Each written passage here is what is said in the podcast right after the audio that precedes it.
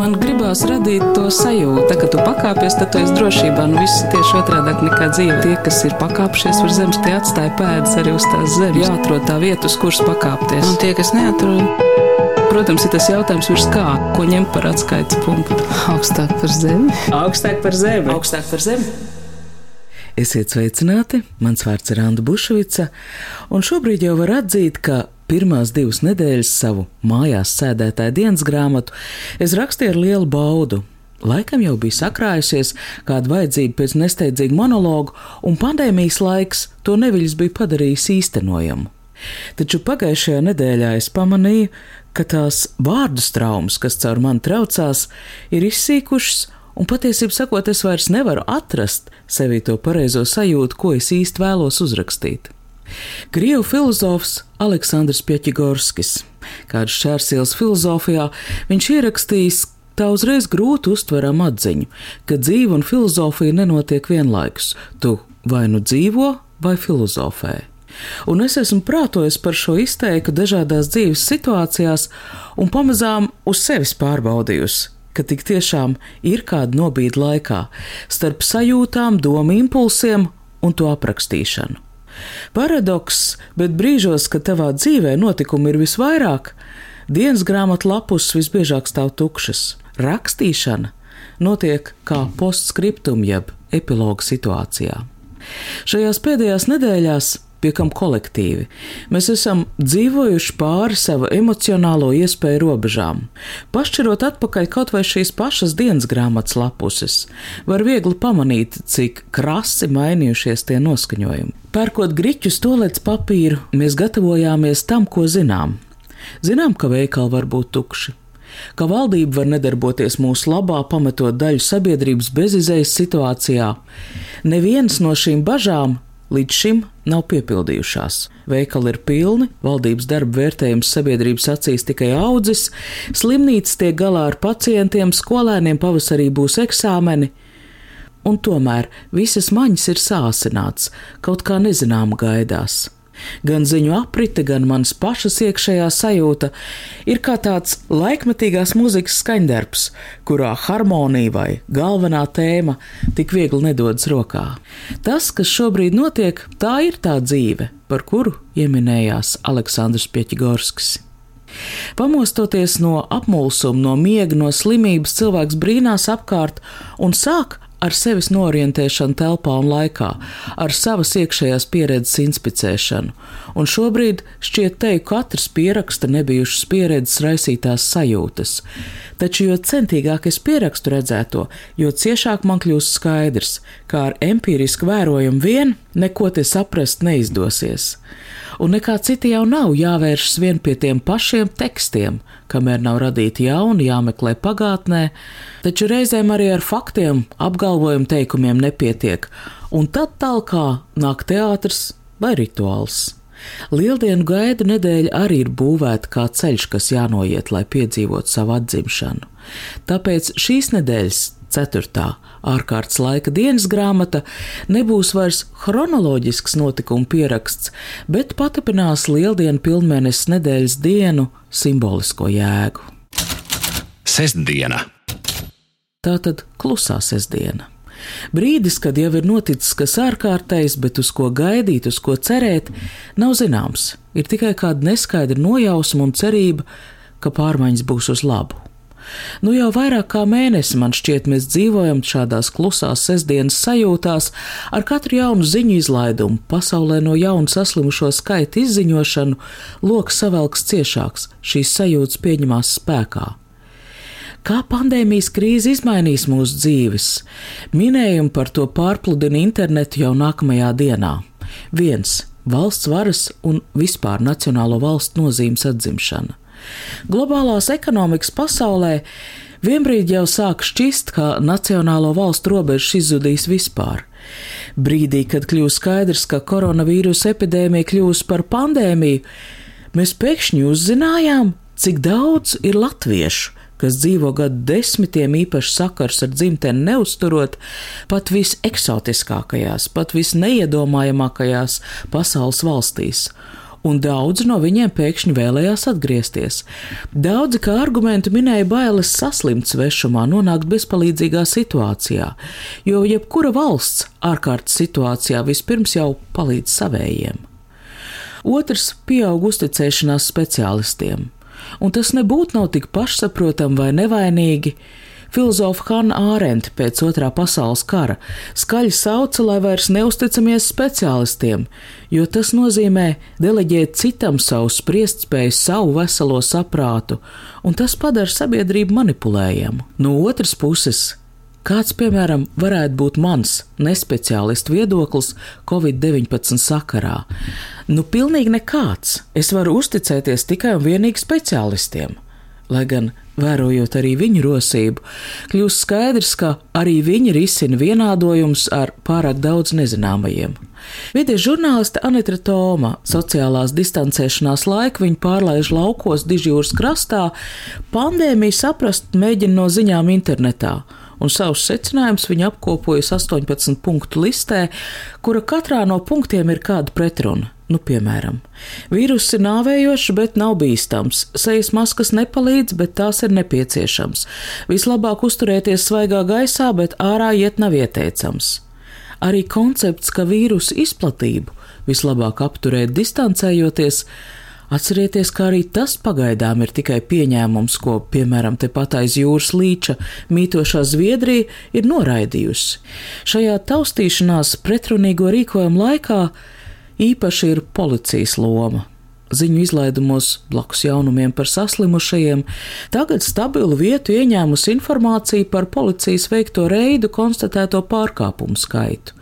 Policija ir kļūst redzama, traucas par jau tā pilnīgi tukšajām Rīgas ielām ar bāku gunīm, lieto megafonu, pārbauda baznīcas, privātas automašīnas, Marta pēdējās dienās portālā Delfi žurnālists Mārs Zanders publicē rakstu, kurā atsaucas arī uz citvietu pasaulē šobrīd daudz apspriesto itāļu filozofu Džordžo Agambēnu.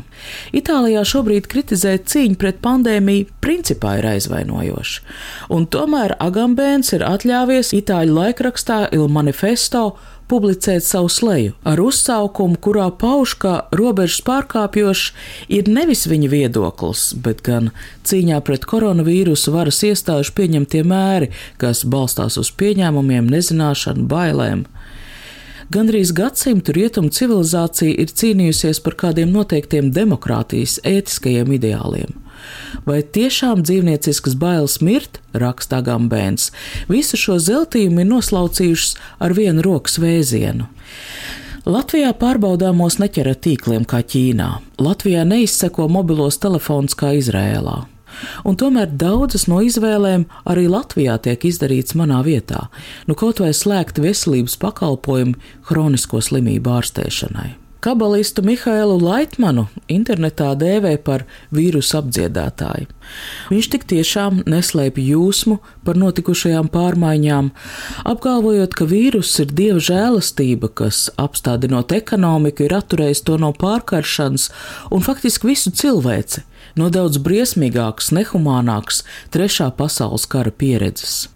Vai cilvēks tiešām ir kā mazs bērns, kurai Dievs visu laiku piespēlē problēmas, lai viņu nodarbinātu, lai bērns aiz gara laika nesastrādātu blēņas?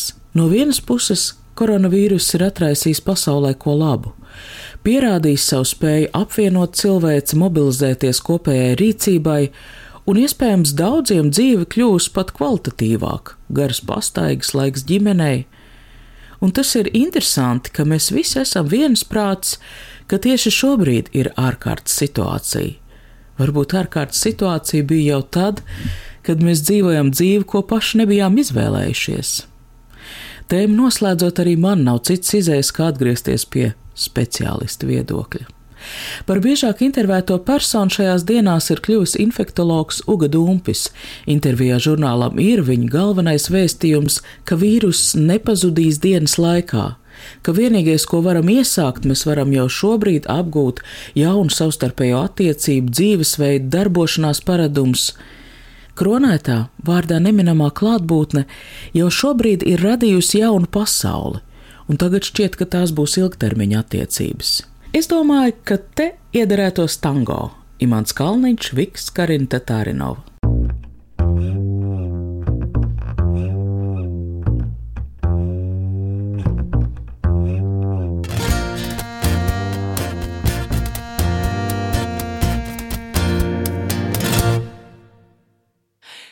Nemaz nevajag daudz, lai atbrīvotos no sāpēm.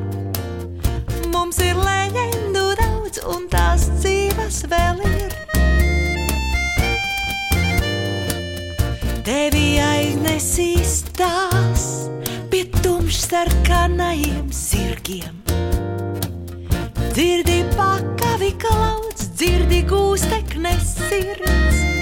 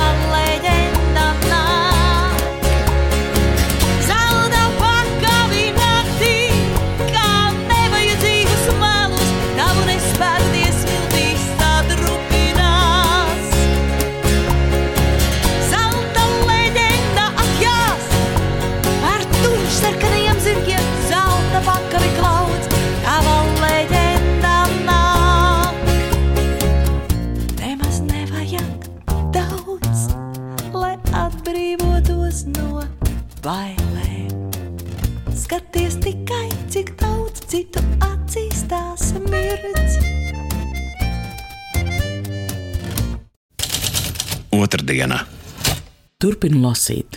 Latvijas laikmatīgās mākslas centra izglītības programma atsūtījusi ziņu par kārtējo lasīšanas darbnīcu. Tēma, protams, pandēmija, jo tieši pandēmijas dēļ lasīšanas darbnīca pirmo reizi notiks tiešsaistē. Ieva Stahovska lasīšanai izvēlējusi Sūzanas Sontāgas darba aids un tā metafors fragmentu. Telefona sarunā kultūras rondo viņa saka, ka šajā laikā, kad mums visiem šķiet, ka piedzīvojam ko nebijušu, tā ir diezgan nomierinoša atziņa - aptvert, ka viss jau reiz ir bijis. Это не... Это все пока что лишь отстойно. Нет, пока что точно поживем еще малец. Это не... Это не... Не преувеличивай, а то сейчас дам. Расслабляемся и машем, берем с полки огурец. Не вопи от каждой ерунды, не вопи от каждой ерунды. Не грузи мне в мозг белиберды, не грузи мне в мозг белиберды. Это не... Это не... Все, что в интернете пишут, это не...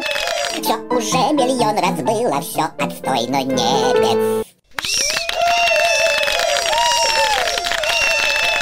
Filozofe Sūzana Sontāga 1989. gada darbā runā par kādu citu vīrusu izraisītu epidēmiju, par aids. Un es esmu pietiekami veca, lai atcerētos, ka pagājušā gadsimta 80. un 90. gadu mijā pasaule tieši tāpat bija nobijusies par šī vīrusa nekontrolētu izplatību, un pārsteidz, cik daudz ir līdzības tagad un pirms 30 gadiem notiekošajā. Līdzīgi kā šobrīd Krievija un Ķīna Tolaik tā bija PSRS, kas avīzē izvestījā publicēja apgalvojumu, ka jaunais vīrus patiesībā radīts ASV laboratorijā. Sontāga nodaļas pirmajās lapusēs aic nesauc vārdā, bet dēvē par mēri jeb sērgu, sasaistot aktuālos notikumus ap slimību ar no aizlaikiem mantotiem aizspriedumiem, ka slimības ir dieva sots par kādiem morāliem pārkāpumiem. Jo ne jau tikai padomju ideologi, Arī daudz godīgie rietumu pasaules pilsoņi uzskatīja, ka aids ir radies, lai uzšķērstu trešās pasaules valstu nabadzības augoni, proti samazinātu dzimstību Āfrikā, bet pārtikušajā pasaulē izskaustu grēciniekus, aids gadījumā gejus.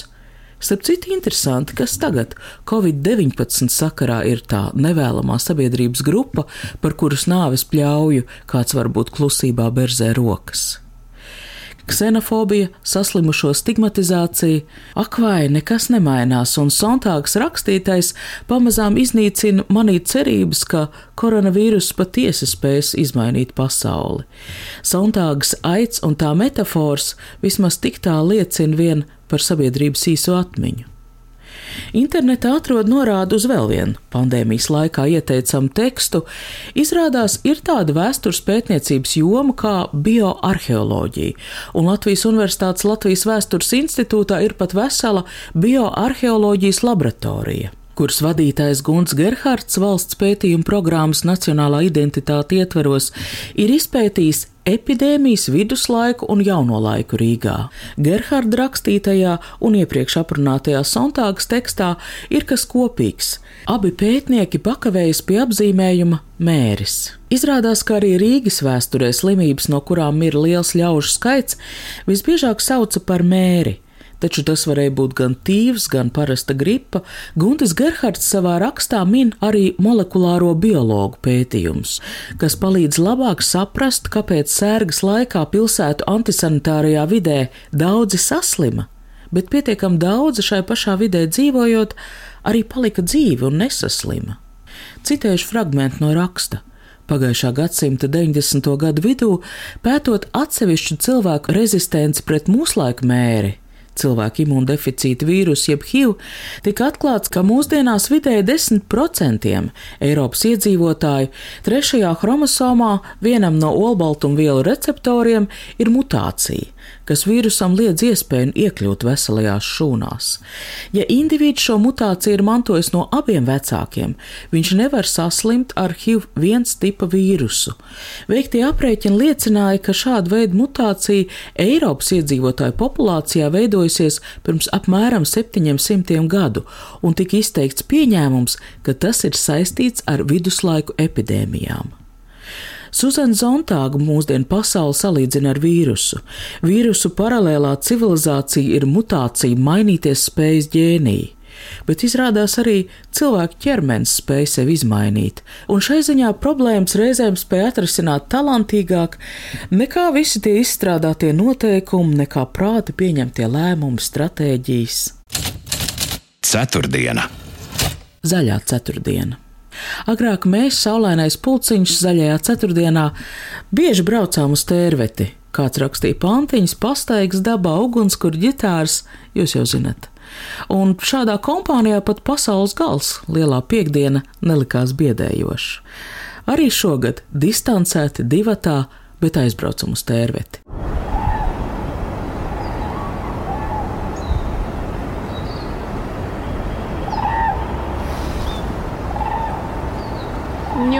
Divas kliedošās dzēhes.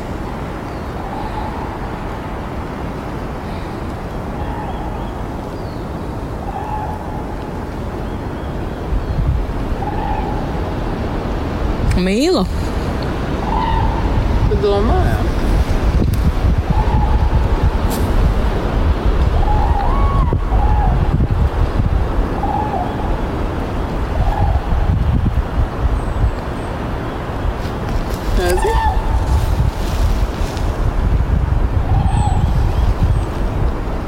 Valdībai šajās dienās jālemj par ārkārtas situācijas izbeigšanu vai pagarināšanu, Likumsakarīgi ir atskatīšanās uz līdzšinējo pandēmijas izplatības gaitu Latvijā, un šai sakarā tiek svinēts jau mazas uzvaras.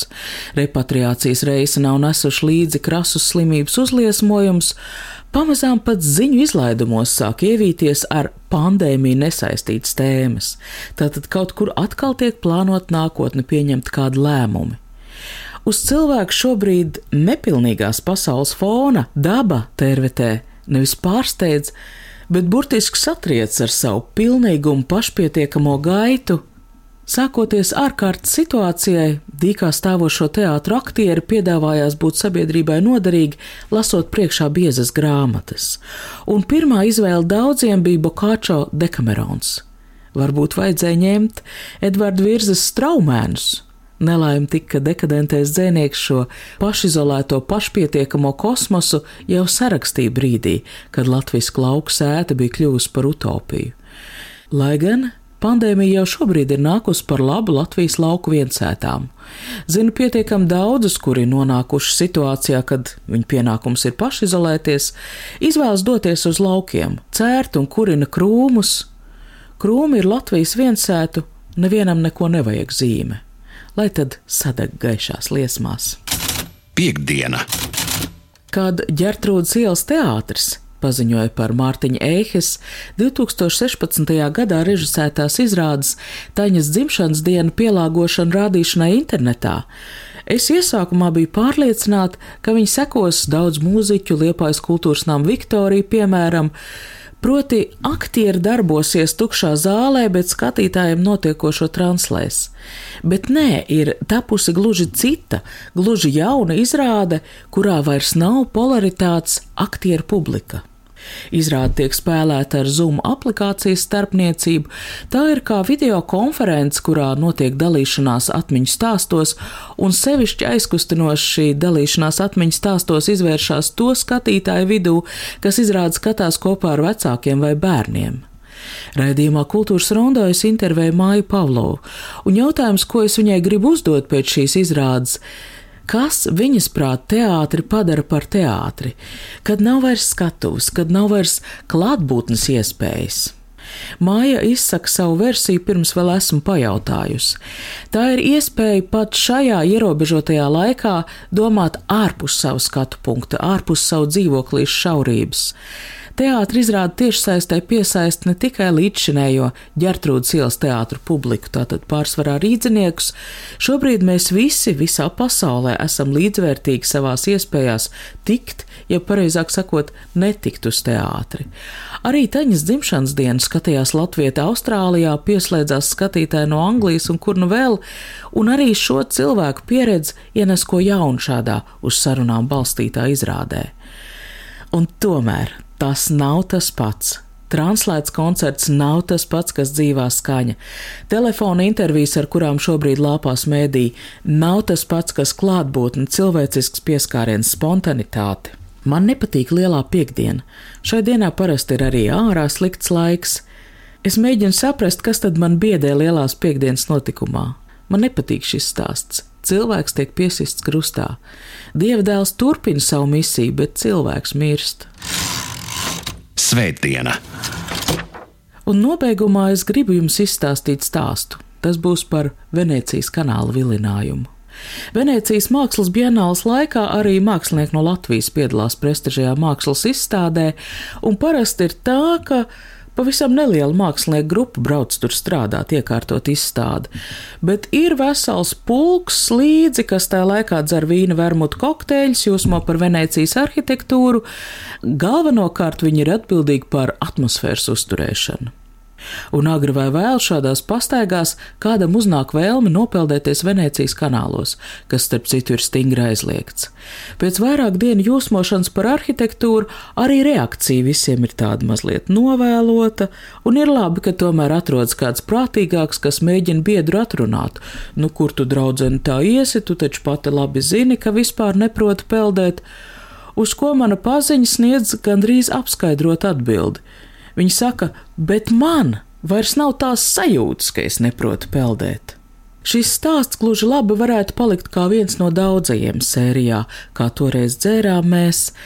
Bet es tajā, gluži kā dzenbudisti Koanā, saskatu kādu sev atpazīstamu universālu pieredzi. Saprotiet man pareizi, šis stāsts nav par Venēcijas kanāliem. Tajā nav minējumu, vai man paziņa patiesi aiziet pa ūdens virsmu vai iežautos zaļganajā ūdenī. Es runāju par to sasodīto apziņu, ka neprotu peldēt, un tā reizēm var pamatīgi saindēt dzīvi. Arī pandēmijas laikā besīja tieši šī savas ierobežotības apziņa, ka debesis, kas visu mūžu bijušas pašsaprotams, tagad var jebkurā brīdī uzkrist uz galvas. Laikam jau ikdienā dzīvot ar sajūtu, ka nav vairs sajūtas, ka neprot peldēt, nebūtu īsti veselīgi. Arī ar citiem to nevajadzētu pārāk daudz apspriest. Bet laiku pa laikam tikt līdz šai sajūtai, tas vienkārši ir nepieciešams. Ain't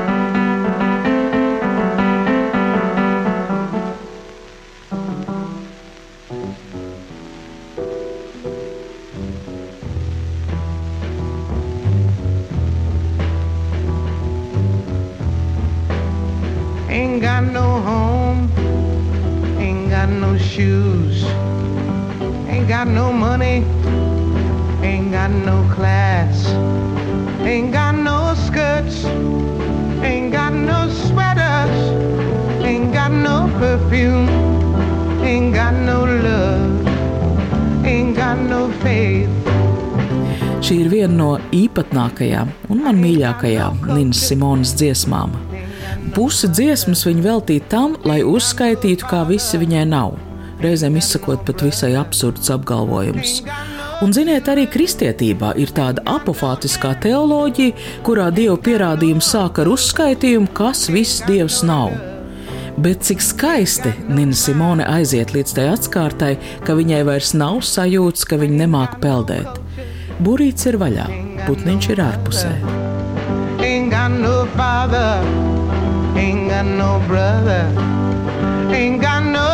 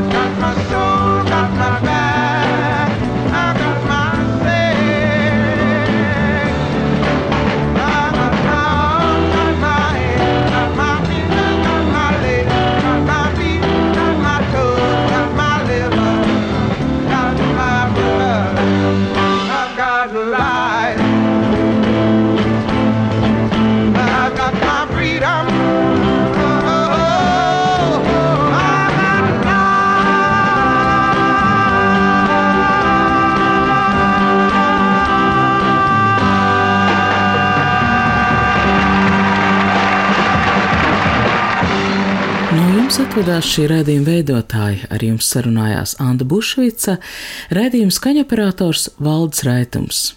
Tā kā tu pakāpies, tad tu esi drošībā. Nu, viss ir tieši otrādi nekā dzīve. Tas ir tā spēle, jā? Tie, kas ir pakāpšies virs zemes, tie atstāja pēdas arī uz tās zemes. Protams, ir tas jautājums, ko ņemt par atskaites punktu. Nē, nu, principā ir skaidrs, augstāk par zemi. Jāatrod tā vieta, uz kuras pakāpties. Augstāk par zemi. Augstāk par zemi. Augstāk par zemi.